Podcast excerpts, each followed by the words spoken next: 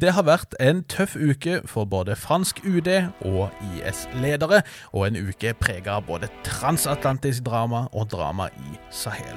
Dette er Hva skjer med verden?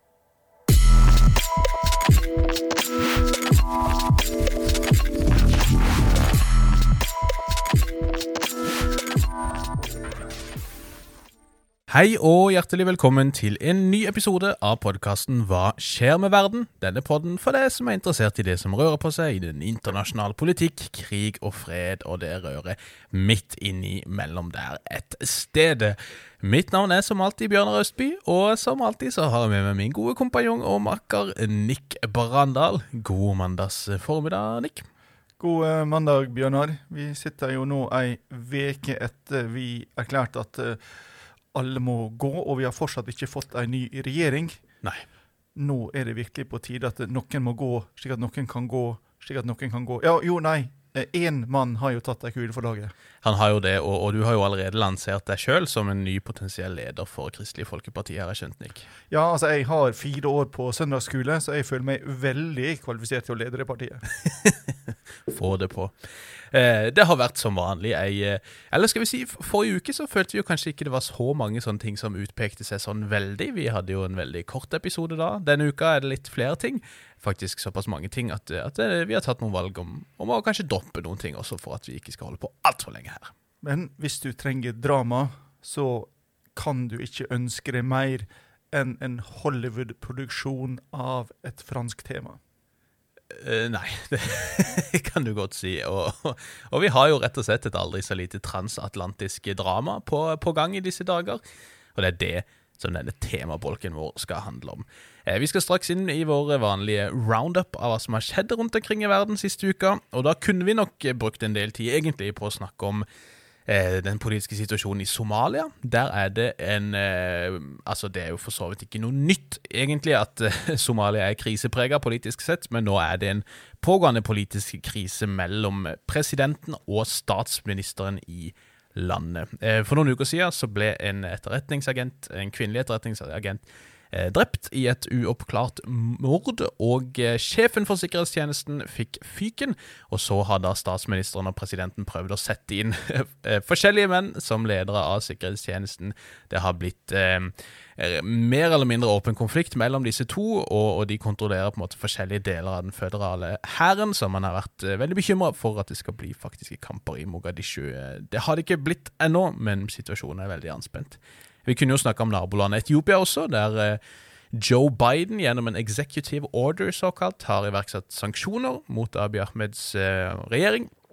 Men eh, vi, vi, vi, sparer rett og slett det til en annen gang, tror jeg. Men, eh, men før eh, vår lille roundup, Nick, så har jo du rett og slett eh, knukket en aldri så liten kode som kan være nyttig for mange. Ja, vi så nemlig i helga en ny og innovativ måte å bekjempe konspirasjonsteorier på. Fortell. Konspirasjonsteorier. Altså, hvis utgangspunktet er en konspirasjonsteori, så er du ekstremt sårbar for andre konspirasjonsteorier. Mm. Og hvis man da setter ut en konspirasjonsteori om at konspirasjonsteorien din er en konspirasjonsteori, så oppstår det Eller en konspirasjon, rett og slett. Eller en konspirasjon. Så er det en såkalt falsk flaggoperasjon. Oi så oppstår det da det eh, psykologene kaller for kognitiv dissonans. Mm. Dette går ikke sammen. Nei. Eh, dette så vi nemlig i Washington DC i helga, der var kalla sammen til en stor demonstrasjon for å støtte de som sitter fengsla etter å ha vært med på eh, ja, hva skal vi kalle det, opprøret, kuppforsøket, velg sjøl. Eh, røret. røret i, i januar. Mm. Eh, altså storminga av Kongressen.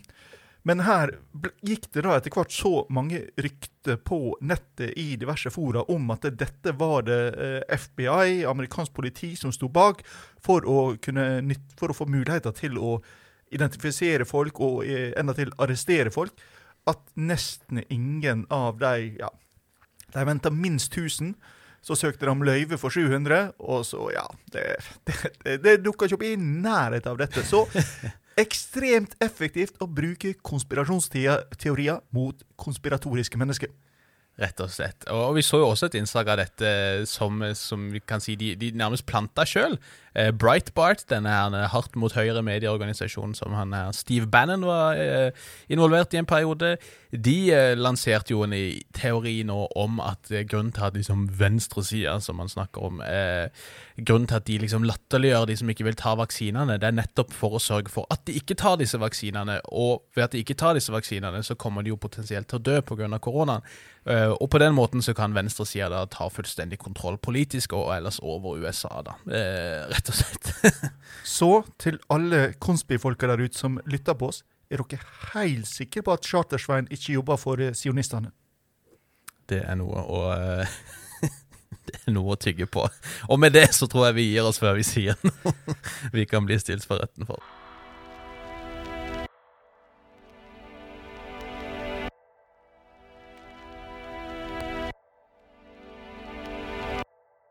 Jeg håper du hadde ei god uke, uka som var, Nick. Jeg skal ikke klage, sjøl om det begynner å gå mot kaldere høstvær. Kaldere høstvær er jo en god ting, vil jeg si. Eh, om du har hatt en god uke, så er det bra. Jeg har hatt en helt OK uke sjøl. Men noen som ikke har hatt en sånn kjempegod uke, får vi si, det er ledere av IS' forskjellige grener rundt omkring i verden. Det vil si, det er i hvert fall to av de som har hatt en heller dårlig uke, får vi si. Den første, det er en kar som heter Adnan Abu Walid al-Zarawi, eller skal vi si het det. Mannen som sies å ha vært leder for Den islamske stat sin grein i eh, Sahel, IS i Stor-Sahara, ISGS kalles det ofte på fint. Um, han har ifølge franske statlige kilder blitt drept, uh, angivelig etter det jeg har skjønt, i et droneangrep. Det er jo ikke første gang det er snakk om at han har uh, blitt drept. Um, det har ennå ikke kommet ut noe bekreftelser på dette fra jihadistene sjøl, som jo gjerne ofte vil være ærlige på at dette har skjedd, gitt at disse nærmest feires når de går i martyrdøden. Eh, men Frankrike hevder i hvert fall å ha tatt livet av denne eh, lokale IS-lederen, eller regionale IS-lederen om du vil, i det de kalte en, en stor suksess i krigen mot eh, terrorister. Um, ja, altså, dette er jo en forlengelse av en ganske effektiv kamp som Frankrike har hatt her. Altså, i, i 2020 så regna de med at de tok livet av en plass mellom 400 og 500 eh, islamistiske eh, terrorister. Mm, mm. Men så er jo spørsmålet har det egentlig noe å si. si. Altså, man kaller det en stor suksess. Det man jo burde ha lært etter 20 år i Afghanistan og nesten like mange i Irak Sånne decapitation strikes, såkalt, mot ledere av forskjellige eh, jihadistorganisasjoner eller terrororganisasjoner, de har ikke egentlig fungert spesielt bra. Man har jo lenge prøvd å behandle disse terrororganisasjonene mer eller mindre som organiserte kriminelle, og man tenker seg at hvis man bare fjerner en, en type gjengleder, så vil gjengen også eh, oppløses. Det har jo ikke skjedd i det hele tatt. Du kunne sikkert sagt mer om, om, om det har fungert bedre i møte med si, venstreekstreme terrorgrupperinger, det vet jeg ikke, men, men, i møte med jihadister i hvert fall, så altså, Vi kan jo alle, alle de store lederne har jo blitt drept de siste årene, men vi har ikke blitt kvitt problemet i det hele tatt. Så stor suksess er det, er det vel neppe. Eh, en annen IS-leder som hadde en eh, heller dårlig dag på jobben, det var en kar som heter eh, Ali Kalora, eh, som eh, da sies å ha vært leder for MIT, eller Øst-Indonesias Mujahedin, en eh, jihadistgruppering som skal ha sverga troskap til IS for noen år siden. Han og, og, en av hans nærmeste ledere skal ha blitt drept av indonesiske sikkerhetsstyrker også, sist uke. Så uh, rett og slett en dårlig, dårlig uke på jobb for IS-ledere rundt omkring. Hvorvidt det har mye å si i denne krigen mot terror etter krigen mot terror, det, det vil jo vise seg. Jeg har ikke veldig tro på at det vil ha store utsag, egentlig.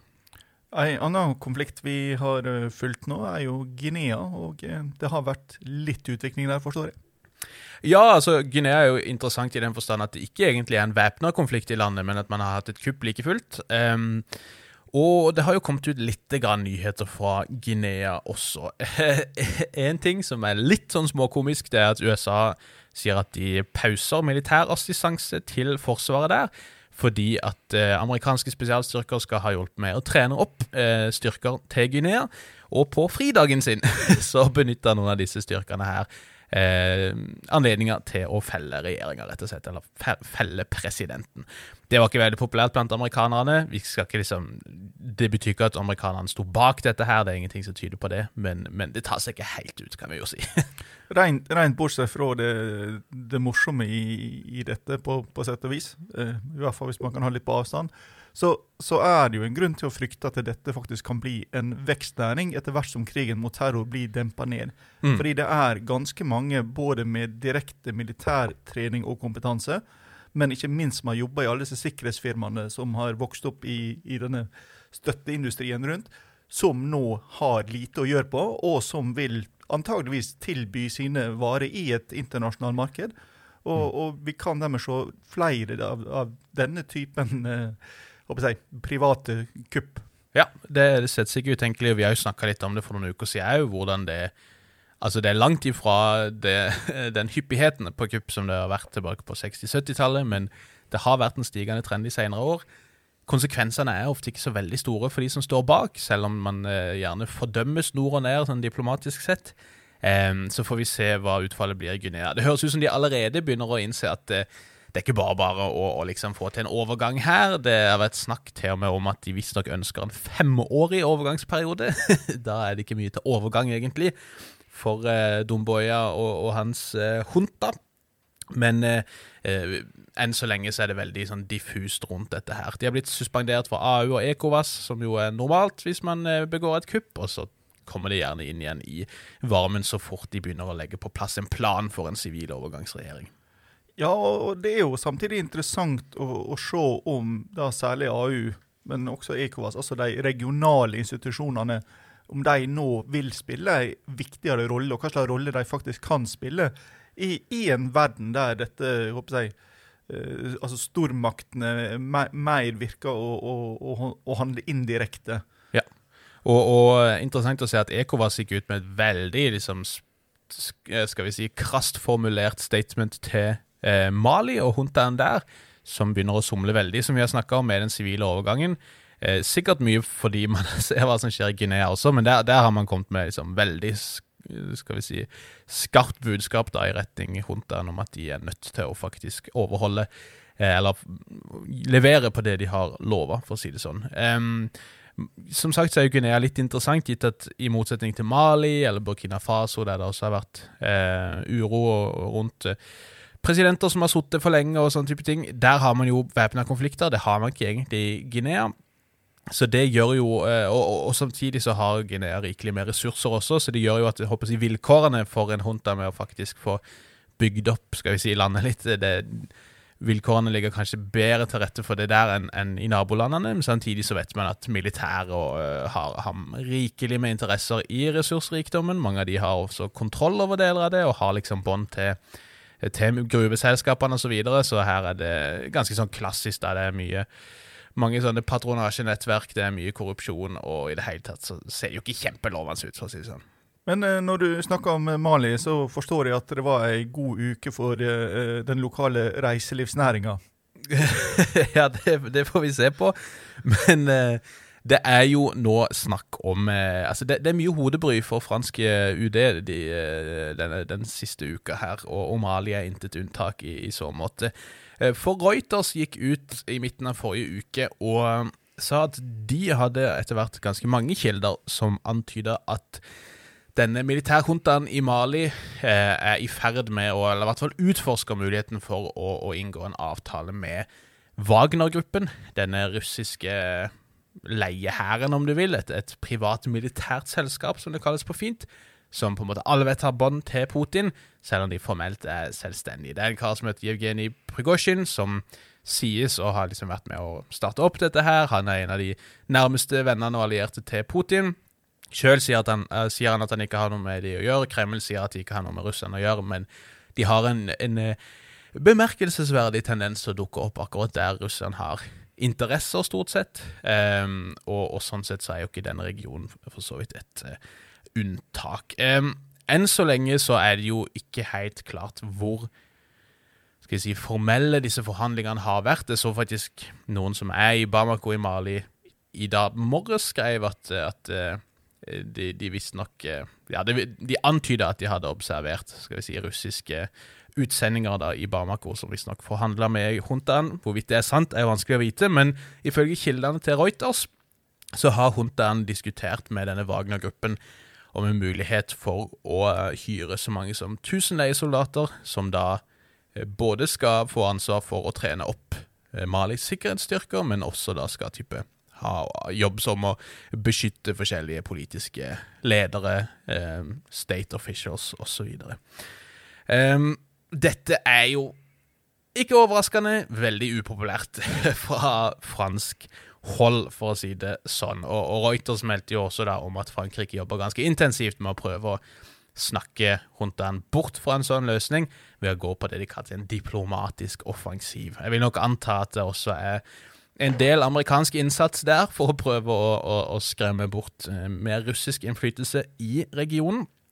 Men eh, dette er jo veldig interessant, for, for, dette er jo på en måte politisk spill på et høyt nivå. Eh, militære kilder i Frankrike hevder at de nå, som en respons på dette, da, hvis dette faktisk skjer, vurderer å bare haste uttrekke alle de franske styrkene eh, og flytte de til Niger. Det er vel fortsatt 5000 cirka franske soldater i Vest-Sahel-regionen, eh, selv om man prøver å redusere dette antallet. Men, men eh, man, man, sier at det er en mulighet, og man frykter at USA, hvis da denne Wagner-gruppa får operere i Mali, vil stoppe all aktivitet nærmest over natta. Og uten, frans, eh, uten, amerikansk støtte til franske operasjoner, både i form av logistikk og penger og utstyr osv., så, videre, så så kan man egentlig bare takke for kaffen og stikke hjem. Det var liksom den franske linja. Så det er tydelig at eh, dette er noe man ser på som veldig alvorlig. Det skal sies at Mali sånn sett har flørta ei stund med med liksom eh, Russland og muligheten for å styrke det forholdet. Vi har jo sett eh, for så vidt Abiy Ahmed gjøre noe av det samme i Etiopia, og liksom tise litt mot eh, russerne når han er misfornøyd med eh, det som kommer fra amerikansk hold. I Mali så har man jo faktisk sett at en del demonstrasjoner eh, har liksom vært eh, type antifranske, prorussiske til en viss grad. Spørsmål om det er liksom juntaen som har betalt folk for å fronte det, den linja, kanskje. Men dette er i og for seg ikke noe nytt, bare at det har ikke liksom vært tatt til dette nivået før. Hva som er årsaken til dette her, er det jo mye spekulasjon rundt, da, men, men det virker jo nærliggende å tro at dette er en måte for juntaen å prøve å nærmest utpresse franskmennene og, og andre EU-land til å støtte opp om denne overgangsregjeringa, samme hvor sein denne overgangen faktisk blir, samme om de egentlig ikke greier å holde de løftene de har gitt om at man skal gå over til et sivilt styre fra februar 2022. For hvis du ikke støtter oss, så får det ganske så alvorlige geopolitiske interesser. Da sier vi farvel til dere, og så ønsker vi russerne velkommen, og det vil vel neppe Frankrike eller USA eller EU akseptere, vil, altså antar jo eksperter er tankegangen til denne huntaen. Og det er jo en sånn klassisk kald krig-move, det. Jeg tror nok vestlige eller internasjonale diplomater utenfor Afrika tenker at det er de som styrer showet i en del av disse konfliktene, hvor, hvor eh, eh, rivaler i øst og vest stiller seg på hver sin side. Ofte så blir de jo spilt som ei fele av lokale aktører. Og i dette tilfellet så, så er det jo en ganske sånn klassisk kald krig-manøver, virker det som, fra Malis hold, der man prøver å spille disse opp mot hverandre og, og cashe inn mest mulig goder som en følge av den rivaliseringa. Problemet er jo bare at dette kan jo gå rett tilbake i fleisen også på Huntaen, hvis man mislykkes, si, eller hvis man feiltolker eh, viljen fra vestlig hold til å fortsette å støtte opp om Mali, for, fortsette kontraterroroperasjonene i Sahel. For et alternativ er jo at Frankrike sier OK, eh, ask for it, you get it, holdt på å si. Dere kan velge Wagner, vi stikker, hasta la vista, se hvor bra dere greier dere nå. Det er ikke utenkelig. Det er allerede ønsker og klare signaler fra fransk hold om at man ønsker å trappe ned mengden soldater i regionen, at man ønsker at EU skal bære mer av byrden, holdt på å si, hvis man kan bruke et sånt ord.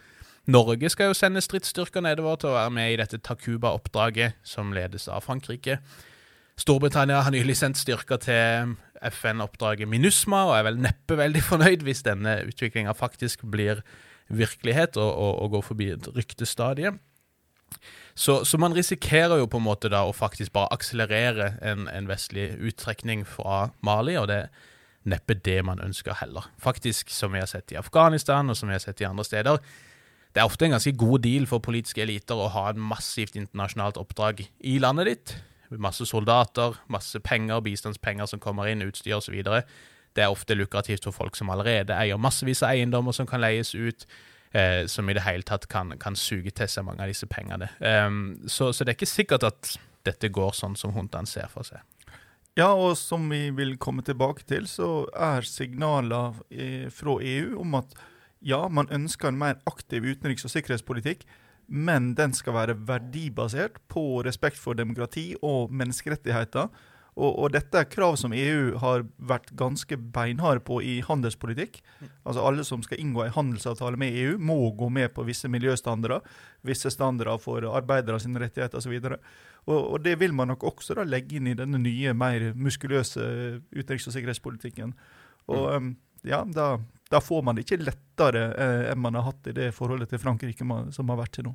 Nei, og også tyskerne har jo vært ganske tydelige på det, at, at eh, det er grenser for hvor lenge Altså, vi skal ikke ditche dette prinsippet om good governance, vi skal ditche bad government, var jo en linje som kom fra tysk hold. Eh, og da er jo Mali et land som definitivt er skal vi si, i, i faresona, spesielt hvis de da denne huntaen ikke faktisk holder løftene sine om at det skal arrangeres en rekke valg nå de neste månedene, med en fullstendig overgang til sivilt styre fra februar neste år. Og eh, hvis man venner seg til Russland, så kan man nok få mye militærstøtte. Men den russiske økonomien tilsier ikke at man skal håpe på så veldig mye mer enn det. Nei, og, og jeg, jeg, tror mange Vi skal ikke overdrive hvor kløktig Putin eller russisk UD er i møte med verden, holdt på å si, spesielt i Afrika. Eh, det er vel ganske lite egentlig som tyder på at eh, russisk UD har noe som helst eh, skal vi si street knowledge som, som gjør at de, at de, lykkes med noe særlig av det de prøver på i en afrikansk kontekst. Det gjør kanskje ikke amerikanerne heller, men der er jo i hvert fall franskmennene skal vi si, veldig mye mer streetwise på, på godt og vondt. ja, og veldig ofte så er jo Russland sitt, sitt mål, sine strategiske mål, å, å, ødelegge for sine motstandere i internasjonal politikk, mer ja. enn at de faktisk ønsker å oppnå noe for sin egen del. Mm. Så klart, i det øyeblikket Frankrike, EU bare stikker, så er det jo ikke ikke nødvendigvis noen store russiske interesser her. Nei, og, og um, altså, vi snakka så vidt om, om, i Guinea. Der sies det jo at Wagner-gruppen allerede har vært på plass, litt fordi russerne har store interesser i um, ressursene, rett og slett, som, som er i, i Guinea. Men, men, også der så har jo ikke egentlig ting nødvendigvis gått sånn som man ønska, med at uh, den regjeringa som de var close med, har blitt uh, styrta av styrker som har blitt trent av amerikanere, blant annet, ironisk nok. Um, men, men det, det, er jo et sånn generelt poeng også, som jeg ser mange uh, løfter fram. Det er jo dette med, altså, Om de skulle gå for en sånn Wagner-løsning, så kommer i hvert fall ikke ting til å bli bedre. Wagner-gruppa, om det er 1000 stykk, om det er 5000 stykk, kommer jo aldri i verden til å greie å, å forbedre sikkerhetssituasjonen. Og Tvert imot så har de jo etter hvert blitt kjent for å være notorisk brutale i møte med sivile også. Um, og det tror jeg er greit å minne om også. altså Wagner-navnet kommer jo fra komponisten Richard Wagner eh, som var en favoritt blant nazistene av forskjellige årsaker. Eh, noen av folkene bak Wagner er i beste fall høyreekstreme, men vi vet at flere høytstående medlemmer av organisasjonen har SS-tatoveringer, liksom. Eh, områder de hadde operert i Libya, fant man masse nazi-graffiti i ettertid. Så dette er liksom virkelig ikke mammas beste gutter. Og, og, de har senest nå for et par uker siden blitt uh, beskyldt uh, for å ha massakrert 40 sivile i Den sentralafrikanske republikk, hvor de har inngått en avtale lignende det som foreslås i Mali, med myndighetene i det landet. Det har komplisert FNs operasjoner i landet veldig, fordi at de gjerne handler litt mer sånn som de vil, og, og de har etter hvert blitt berykta blant sivile også da, for å være fryktelig brutale og for å gi ganske beng egentlig i hvem de skyter på. Eh, så dette er trenger ikke å løse noen ting som helst, for å si det sånn.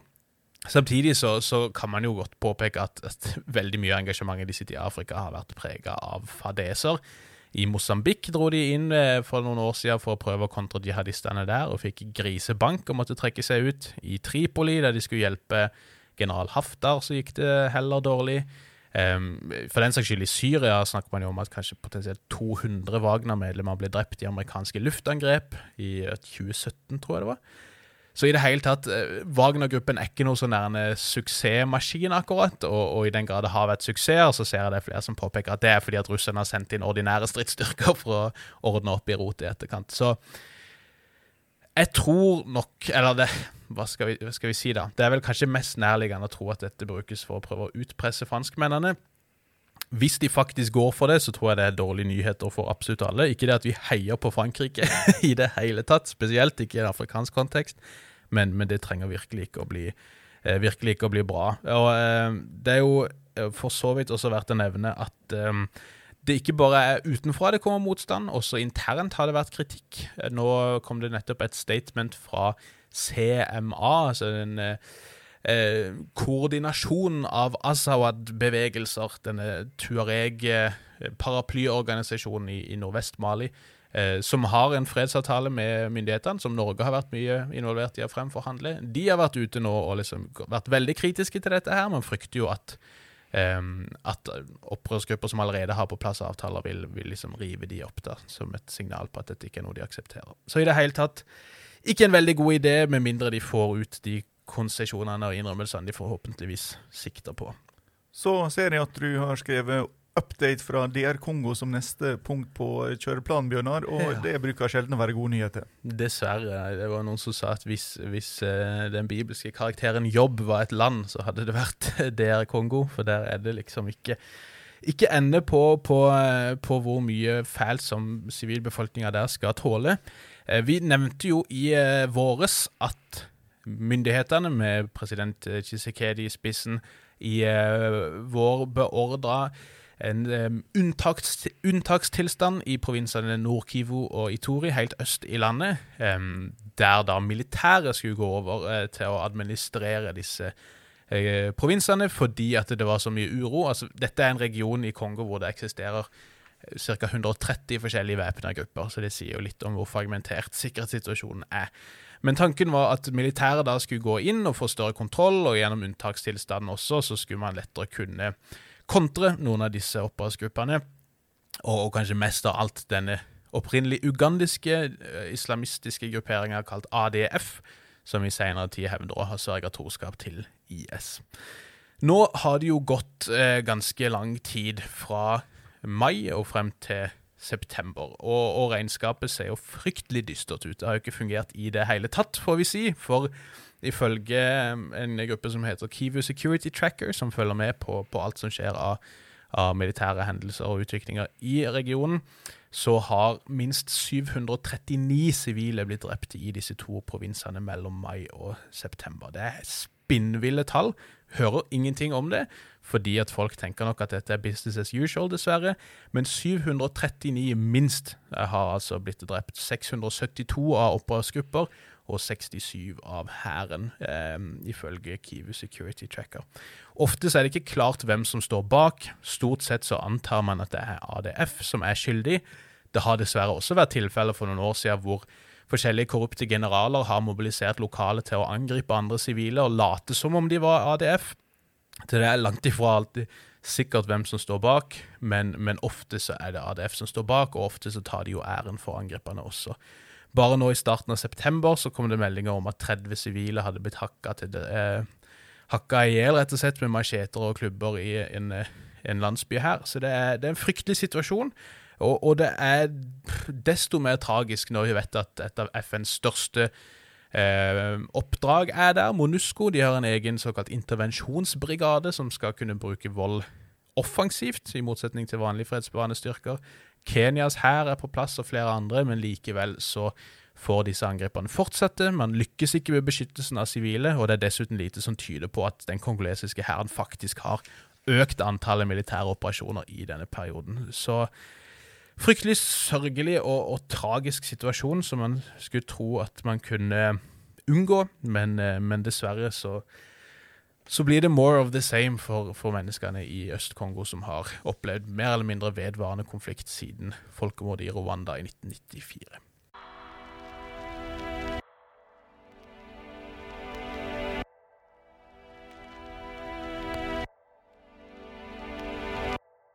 Nå, Nick, så skal du få slippe til litt.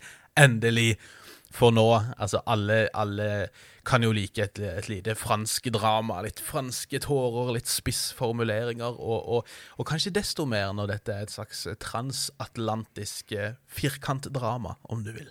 Hva er det som skjer for noe med ubåter og nye sikkerhetspartnerskap rundt Zerweiter? Opplys oss gjerne. Ja, hvor skal man begynne? Skal, skal vi begynne med det mest dramatiske? Frankrike kaller tilbake ambassadørene sine fra Australia og USA. Mm. Eh, og dette er første gang siden tidlig på 1790-tallet at Frankrike har kalla tilbake ambassadøren fra eh, USA. og eh, vi, vi, må ikke glemme at Frankrike og, og, USA er Historisk sett har de vært veldig nære. De har et sjølbilde av seg sjøl som liberalismens uh, fortropper mm. i verden. Det er uh, den franske revolusjonen, den amerikanske revolusjonen. De hjalp hverandre, de utveksla uh, personer, de utveksla kunnskap. De hadde de samme ideene. Og, og dette har egentlig vedvart. Og, og, vi ser det når vi kommer til særlig første verdenskrig. Uh, USA kunne ikke gå til krig for å, støtte Storbritannia. Det var jo kolonimakta som de hadde frigjort seg fra. Mm. De argumenterte for at det var støtte til Frankrike, liberalismen i Europa, mot denne tyske autokratiet. Mm. Så, så, så, dette har på mange måter vært et nært forhold. Men, men, det er jo ikke første gang det har vært problem mellom disse to landene. Mm. Eh, på 50-tallet hadde vi jo Suez-krisa. På, på 70-tallet hadde vi når Nixon dro til Kina uten å ha gitt beskjed på forhånd mm. at uh, franskmennene ikke var så veldig happy. Ja. 2003 med Irak også, der Storbritannia ble med i USA, men ikke Frankrike osv.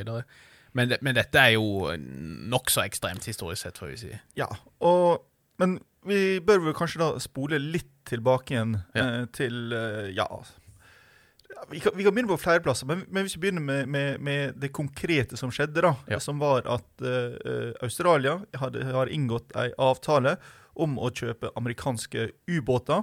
Eller det vil si, fram til disse ubåtene er klar, så skal de låne britiske ubåter med lignende teknologi. Mm. Og dette her er da uh, atomubåter det er snakk om. Mm. Uh, så um, så det skaper jo litt problem med andre land i regionen, men det skal ja. vi komme til, tilbake til.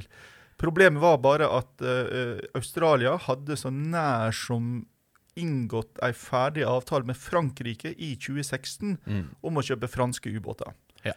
Uh, og dette var ei kontrakt som var verdt uh, nesten 600 milliarder kroner. Mm. Så det var, det var, ganske stor. Den hadde en symboleffekt for Frankrike som en internasjonal stormakt. Den hadde betydning for franske arbeidsplasser. Eh, når vi er i ferd med å nærme oss eh, valg i Frankrike. Det er vel neste år, presidentvalget. Eh, så, så det, ja, den, den, var ikke uviktig, for å, for å si det mildt. Nei. Nei, og, og, vi kan jo si dette starter sånn, sånn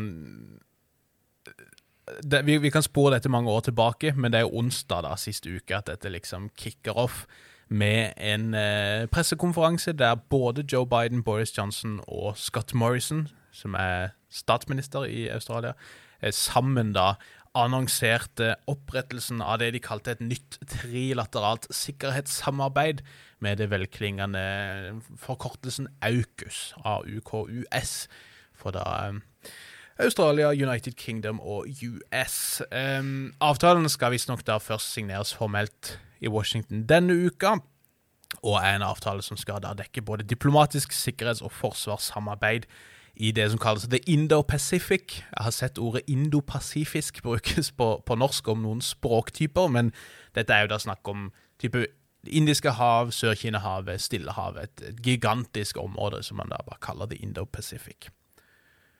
Ja, og hvis vi tar bakgrunnen for dette, som, som virker å være et australsk initiativ Og det var et initiativ som ble tatt eh, allerede i februar-mars Eh, med en gang den nye Biden-administrasjonen kom på plass, så eh, kom den, den australske regjeringa og foreslo mer eller mindre det som har kommet nå. Og eh, Fra australsk side så ligger det her ei strategisk endring i måten man tenker forholdet i regionen, og da særlig forholdet til Kina, på. I 2016, når man valgte franske ubåter, så så man for seg at man skulle ha et godt forhold til Kina. Eh, eller i hvert fall et balansert forhold, og at Kina var den største og sterkeste makta, og det var det nødvendig å anerkjenne for Australia. Eh, I dag så har Scott Morrison gjort et strategisk endringsvalg, der han ser Australias rolle som å inngå i en eh, internasjonal allianse mot Kina, der Australia skal ha en rolle som en slags lokal politimann med disse atomubåtene. Mm. Riktig. Og, og, så skal det jo sies, jeg ser jo flere påpeke at vi må ikke liksom overdrive hvor nytt dette sikkerhetssamarbeidet er. At Storbritannia har vært alliert med Australia siden 71 gjennom Five Power Defense Agreement. USA har vært alliert med Australia siden ANZUS-traktaten i 51, men, men eh, det er jo likevel en slags ny det er noe kalt en minilateral avtale da, mellom disse tre partene, der USA allerede har denne såkalte Quad. Eh, nærmest, eller organisasjonen med Japan, India og Australia. Ja, men uh, her er det et ganske viktig og ganske nytt uh, poeng her. Og det er at det er den første gangen siden 1958 at USA deler denne typen atomteknologi ja. med et annet land. Mm. I, da var det Storbritannia. Nå er det altså uh, Australia. Og det, det er for så vidt også da Dette øker jo faren, eller kampen mot ikke-spredning av atomvåpen, har fått et tilbakeslag med denne avtalen. Ja, og, og, det skal jo sies at, at Australia på, sier jo at vi har ingen intensjoner om å skaffe oss eh, kjernevåpen osv. Eh, men dette er likevel et ganske sånn klart normbrudd, da kan vi si. Enn så lenge så har det jo bare vært eh, Storbritannia, USA, Kina, Frankrike, India og Russland som har hatt sånne atomdrevne ubåter. Disse kan jo da være under vann mye lenger og gå eh, gå veldig lenge, kontra disse dieselelektriske ubåtene. og de går veldig mye stillere. Ja. ja. Og, eh, så, så, strategisk sett, så, eller taktisk kan vi kanskje si, så gir det mer mening gjerne eh, enn en sånn dieselelektrisk ubåt. Men det har vært en norm om at man ikke sprer denne teknologien, som du sier. Og litt av utfordringa også er jo at eh, det, det, er liksom en sånn, et lite smutthull da, i en del av disse ikke-spredningsavtalene som har å gjøre med kjernevåpen. Eh, du skal ikke liksom, altså Stater som ikke har kjernevåpen, skal ikke utvikle disse osv. Stater som har teknologien, skal ikke spre den videre. Men om du besitter berika uran, så kan du visstnok da unndra deg håper jeg, internasjonal innsikt eller eh, håper si, overvåkning hvis de brukes til ubåter. Og så er jo litt av utfordringa her da også at du bruker egentlig akkurat den samme type berika, berika uran til bomber som du bruker til å drive disse ubåtene. Så jeg ser jo det er noen som er litt bekymra for at dette kan bli en presedens for stater som ikke nødvendigvis egentlig er interessert i ubåter, men som er interessert i å anskaffe seg bomber, da, og, og gå denne skal vi si, ubåtruta da, for å unndra seg internasjonal oppmerksomhet på lovlig vis, og på den måten komme fram til, til målet om å utvikle kjernevåpen sjøl. Og så er det et, et, poeng her som det også er viktig å ha med, eh, og det er at eh, Kina i dag i antall fartøy har verdens største marine. De har mm. gått forbi USA, men USA er større på store fartøy. Eh, men eh, Kina sitt forsvar mot ato atomubåter er den virkelig svake delen av denne marineoppbygginga. Mm. Og slik sett så er dette her ei mer direkte utfordring mot kinesisk makt i regionen enn nær sagt alt det andre eh, som USA har gjort eh, i seinere tid. Ja, ja, og Bare for å ta den da, eh, veldig kort, sånn logikken bak det å ha atomubåter, det har jo vært en del av denne eh, skal vi si, tredelte kjernevåpenstrategien som spesielt USA og Sovjet baserte seg på under den kalde krigen. At du har kjernevåpen plassert i siloer på liksom faste steder på land eller på bevegbare ramper. Du har de på strategiske bombefly, og du har de på atomubåter som kan ligge under vannet i månedsvis. Eh, for på den måten å potensielt alltid da kunne svare på et førsteangrep med et motangrep. Så lenge en stat kan svare på et førsteangrep med et like ødeleggende angrep, så antar man jo da at eh, ingen stater vil prøve å angripe først, gitt at sovjetiske ubåter kunne ligget utenfor Bermuda og angripe en lang rekke med amerikanske byer på veldig kort varsel. da. Så, så hvis du har sånne våpen, så kan du på en måte alltid da eh, avskrekke, tenker man gjerne da, stater fra å prøve å angripe det, gitt at de aldri kan vite hvor trusselen mot de sjøl ligger. Og så har vi da eh, aktør nummer tre her, eh, Storbritannia, og, mm. og hva de ønsker å oppnå her. Og, og, dette går jo inn i denne Global Britain-strategien som mm. uh, Boris Johnson har fulgt etter brexit-avtalen. Uh, og, og, det kommer jo etter at man har inngått en lang rekke handelsavtaler, bl.a. med Australia. Mm. Uh, som har plassert Storbritannia i enda mer i direkte konflikt med EU. Fordi man ikke har inkludert noe om uh, miljø, om arbeidstakerrettigheter, om demokrati osv. i disse avtalene. Ja. Uh, slik at det gjør det vanskeligere å, å, få til handel mellom EU og Storbritannia. Og nå eh, gjør man da dette i direkte konfrontasjon med Frankrike særlig, som mm. prøver å dra resten av EU med seg. Det skal vi kanskje skal vi snakke litt mer om eh, seinere. Men det er jo da påfallende likevel at eh, Frankrike ikke tilbakekaller ambassadøren sin fra London. Ja, og, og, og, vi kan jo si det som, måte, som man kan lese ut av det faktum at de trekker tilbake ambassadører. Frankrike er rasende. Utenriksminister Le Drian har vært eh, i media gjentatte ganger. Han skal gi møte i dag. Generalforsamlinga til FN samles jo, eh, har møte i dag. Le Drian skal være til stede der, så man kan nok forvente en ganske spicy, eh, spicy innlegg fra han, tenker jeg. Men han har jo, han har jo, kan jo si det først, da, han har anklaga disse tre der for å drive med brutal Trump-aktig politikk. Vi hadde ikke forventa dette av dere, liksom. Trump han handla uforutsigbart og alene, men av dere, liksom. Og, det har vært løgner, det har vært dobbeltspill, det har vært grove tillitsbrudd, sier Lødria. De snakker om at de har blitt Eh, dolka i ryggen av, av sine nære allierte osv. osv. Um, Morrison i Australia sier at Australia har vært åpne om dette, her, og at han uansett alltid vil prioritere det som er best for Australia, ikke det som er best for Frankrike. Mens Macron da sier at Frankrike de har blitt holdt i mørket, og vi visste ikke om Australias intensjoner før det var én time til denne pressekonferansen da dette ble gjort klart for resten av verden, visstnok. Men når det kommer til Storbritannia, da, grunnen til at man ikke henta hjem den britiske eh, ambassadøren. Det er jo visstnok da fordi at uh, we are aware of uh, Britain's constant opportunism, og, og for å bare gni det enda mer inn Vi skjønner med en gang at her er Storbritannia tredje hjul på sykkelen, femte hjul på vogna. Dette her handler om USA, det handler om Australia, mens britene da har returnert til en vassalstatus og gjemmer seg i den amerikanske favnen, sa Ledrias, for å bare liksom ja, gni det inn. Han jeg ser jo en del fra britisk hold anklager Boris Johnson for egentlig har gjort dette her, at man eh, knytter eh, Storbritannia altfor tett til USAs Kina-policy og, og, risikerer å ta Storbritannia inn i en eventuell krig der. Men, eh, men ja, alle har tid til litt fransk sånn, litt fransk fyring. Det er jo litt gøy. Ja, og Så kan vi da gå til, til USA her. Eh, og Det er jo ti år i år siden eh, Obama eh, erklærte det såkalte Pivot to Asia. Mm. Eh, altså at nå skulle USAs hovedfokus i verden handle om Asia, det skulle handle om Kina. Ja. Eh, og dette ble jo da gjentatt helt på slutten av presidentperioden hans, i høsten 2016. Eh, men i praktisk politikk så har det skjedd egentlig ikke så veldig mye før nå i seinere tid. Mm. Eh, det var jo selvfølgelig Under Trump så var det jo mye retorikk, og det var jo en del handelskrig, men det var ikke en systematisk endring av amerikansk utenrikspolitikk. Mm. Av, av, den typen som vi allerede begynner nå å se under eh, Biden. Eh, og altså, vi har jo Bare fra senere tid så har vi jo sett at eh, man har blokkert Kina fra å få kjøpe viktig teknologi.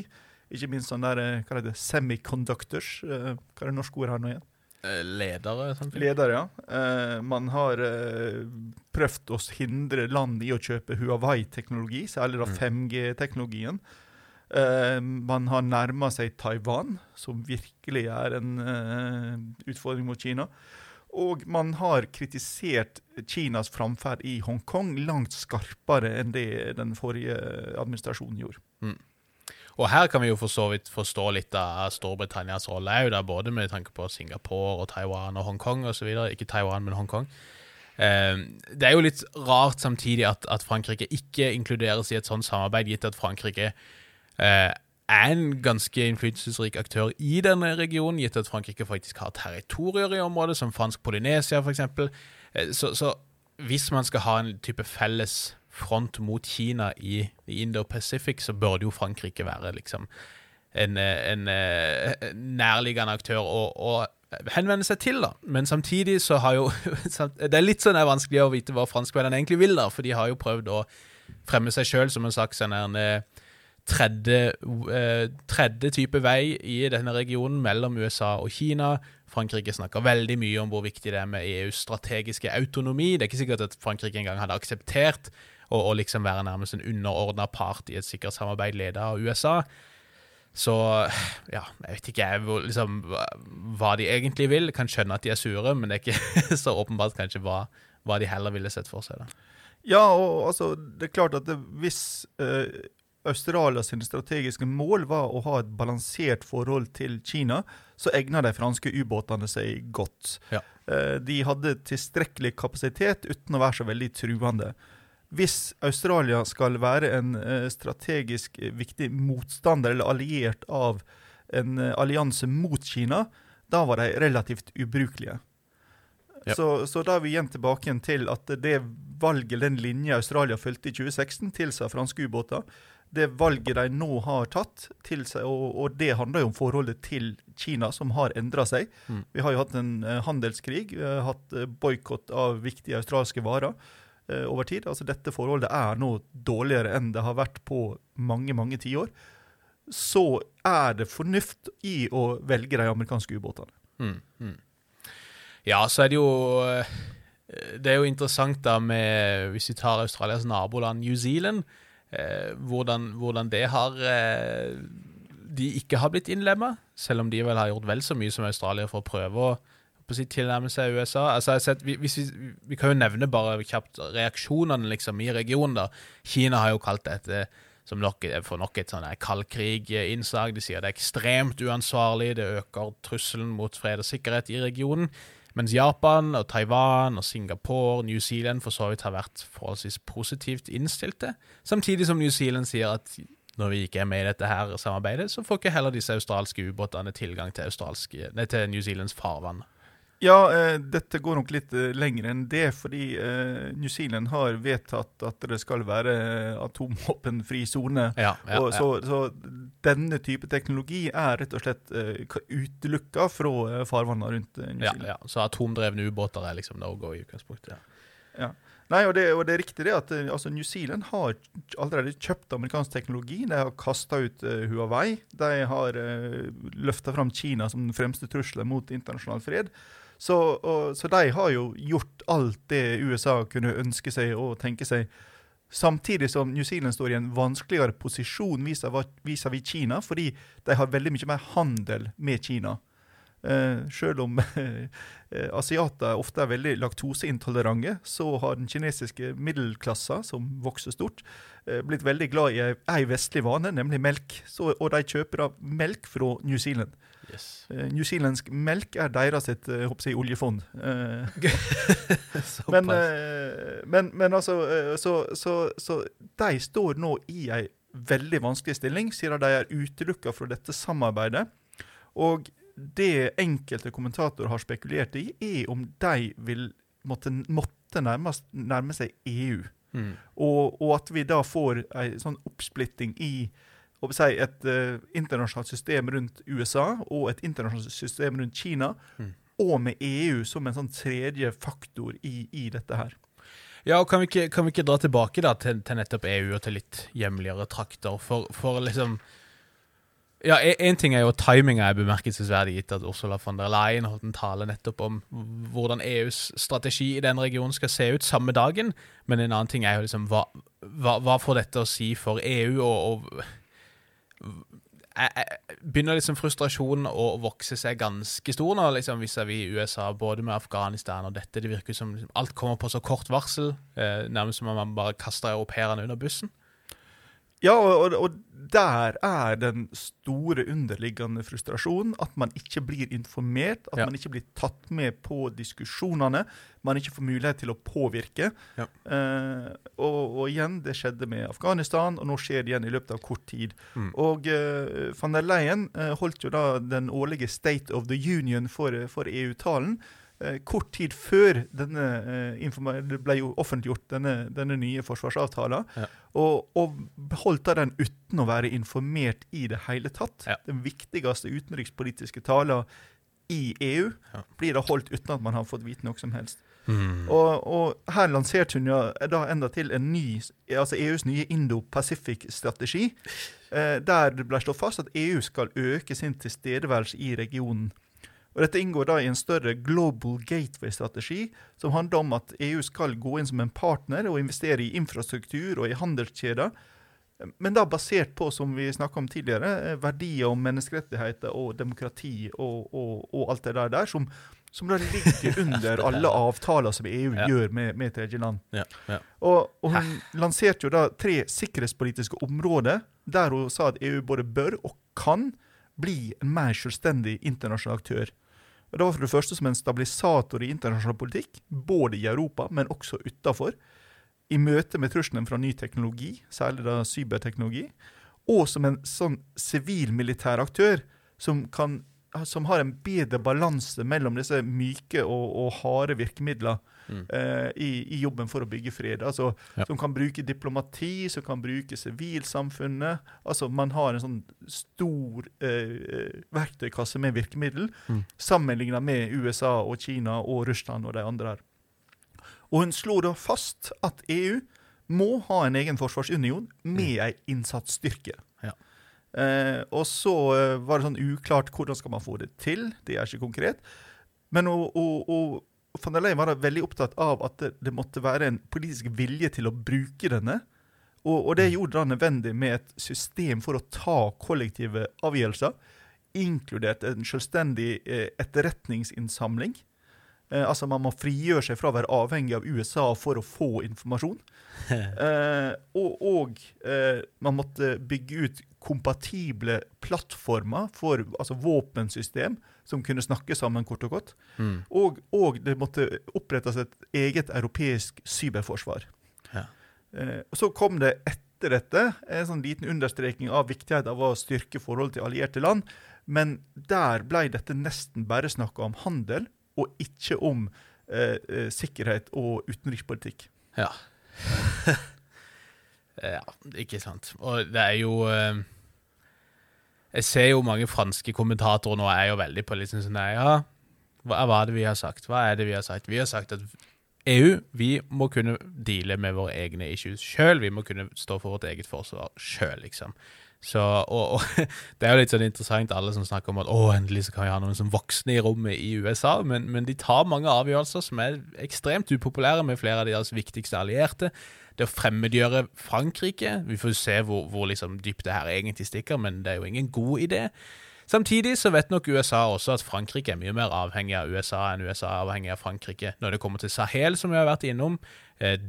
Eh, som franskmennene sjøl innrømte i møte med Wagner-gruppen og dette her, altså hvis amerikanerne stikker, så er det jo ikke noe vits å holde på. Um, samtidig ser jeg også, apropos Mali, at det er mange som beskriver denne Takuba-styrken, som er fransk leder, men består av mange europeiske uh, styrker for mange europeiske hærer. Det er kanskje, det, kanskje handler det mer om nettopp EU og forsøk på å opprette en slags ekspedisjonsstyrke sentralt i EU, heller enn at det egentlig handler om um, om Mali. Men igjen, det er vanskelig å frigjøre seg fra både amerikansk militært utstyr, etterretning osv. Altså, eh, det vi har sett fra utviklinga av EU, og ikke minst når det gjelder integrasjon, så er det jo at denne type krise er det som presser fram ei enighet. Det er Mm. vanskelig å få enighet før man ser at eh, oi, shit happens. Ja. det, er, det er mye lettere å få det til eh, etterpå. Mm. Og så er det jo et eh, interessant valg i Tyskland eh, rett, eh, rett rundt hjørnet, mm -hmm. som kan få betydning. Eh, Ja. Hvis det blir en eh, konservativ kansler i eh, Armin Laschet, så er jo han mer eh, jeg, orientert mot Øst-Europa. Han er mer positiv til Putin Mm. eh, enn de andre kandidatene. Ja. Og, og da vil vi nok se en jeg, mer, eh, jeg, mindre aggressiv eh, EU. Mm. Eh, hvis det blir Olof Schultz, så er jo han for så vidt en atlantist og opptatt av å bevare dette her eh, systemet. Men han har også et veldig godt forhold til Frankrike, og han er jo på mange måter et, et EU-dyr. Mm. Hvis det skulle bli De Grønne sin eh, kandidat, så er hun veldig anti-Russland. Ja. Og, og kan nok også tenkes å, å støtte et, en mer, et mer aggressivt EU. Mm, mm. Ja, Apropos Russland, så leste jeg nylig det var en, en eh, meningsmåling blant russere eh, om, om holdninger mot Vesten-type. og det er for å si det kort, den russiske befolkninga er ikke Putin, og tenker ikke nødvendigvis som Putin. Og precis, jeg ser folk som sier at vi bør henvende oss mer til, til russerne også, og prøve å bygge vennlige relasjoner der. Men, men en, en eventuell sikkerhetsstyrke, eller et tydeligere sikkerhetssamarbeid i EU, det vil jo måtte hvile på to søyler, nemlig Frankrike og Tyskland. Tyskland skal ha valg, Frankrike skal ha valg neste år. Også der så er mm, liksom alternativene til Macron veldig anti-Nato, og for så vidt ganske anti-amerikanske. Hvorvidt det vil på en måte insentivere mer EU-samarbeid, eller om det skal være mer Frankrike på egne bein, vil jo vise seg. Men det er veldig mye som, som flyter på dette området nå, for å si det sånn. Ja, altså, Tysklands rolle er jo på den ene sida å holde tilbake, og på den andre sida å betale for moroa. Eh, Frankrike vil jo være de som pusher, og, og også i noen grad være de som stiller med, med tropper her. Ja. Men når vi ser på EU-innsats, så vil jo veldig ofte eh, soldatene i vel så stor grad komme fra landene i øst, mm. som har vært langt mer villige til å, å, å, rett og slett sende soldater in harm's way, som, for å si det på godt norsk. Ja, ja i, i, Mali for eksempel, eller i Sahel så har det jo vært flere fra de baltiske statene blant annet, da, som har stilt opp. Det, det, det er interessante tider, Nick, og det er liksom nye greier hver uke nå. Ja, altså Den amerikanske kalkuleringa er jo at eh, dette blåser over. Dette er franskmenn. De hiver seg opp voldsomt, og så faller de ned som denne skinnfellen igjen. Ja. Og, og, det er ei mulighet. Mm. Eh, men det er ei av flere muligheter. Ja. Det kan hende at vi ser konturene av en mer permanent eh, omrokering av forholdet i internasjonal politikk, der du, altså EU kan da trekke til seg potensielt New Zealand. Eh, det har også vært nevnt at Canada mm. vil ha en mer naturlig eh, tilnærming til e denne EU-tenkninga enn til den nye amerikanske tenkninga. Mm, mm. Nei, og Sånn sett så kan det være at Frankrike sier både til Mali og til USA OK, you ask for it, you get it. Vi får se. Og, og apropos bare helt til slutt dette liksom eh, Hvor upopulær denne fryktelig forhasta, eller ikke forhasta, men kaotiske uttrekninga fra Afghanistan var. Hvem er det som har gått av etter dette her? Det er ingen amerikanere, men den første som faktisk har gått av, det er Nederlands utenriksminister, som trakk seg etter eh, den kaotiske uttrekninga. Utenriksminister i Storbritannia har blitt eh, demoted, holdt på å si, Dominic Raab. nedjustert om han ikke har aktivt måttet trekke seg. Eh, men, men, det viser jo gjerne litt av hvor, hvor, hvor populært dette har vært altså, i en EU-kontekst.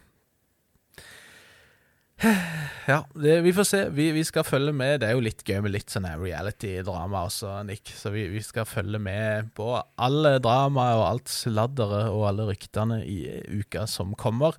Det er jo som sagt denne uka at denne nye, dette AUKUS-samarbeidet skal undertegnes, holdt på å si, formelt i Washington. Det er samling av generalforsamlinger i eh, New York, i FN, hvor eh, Bolsonaro fra Brasil stikker, selv om han ikke er vaksinert og egentlig ikke har lov til å komme. Det kan bli mye, mye spicy innlegg også der. Så vi skal følge med så godt vi kan. Så får vi bare si takk nok en gang for at dere følger med oss. Sjøl takk, Bjørnar. Og så ønsker vi alle russere godt valg på fredag. Vi eh, ønsker alle russere godt valg. Det valget er jo godt i gang allerede, men resultatene kommer i løpet av uka. Dvs. Si Forent Russland, Putins parti, har vel allerede sagt at de har vunnet, men, men vi skal følge med også på det. Vi skal snakke om det tyske valget og i det hele tatt. Så takk for oss. Takk for dere. Vi snakkes.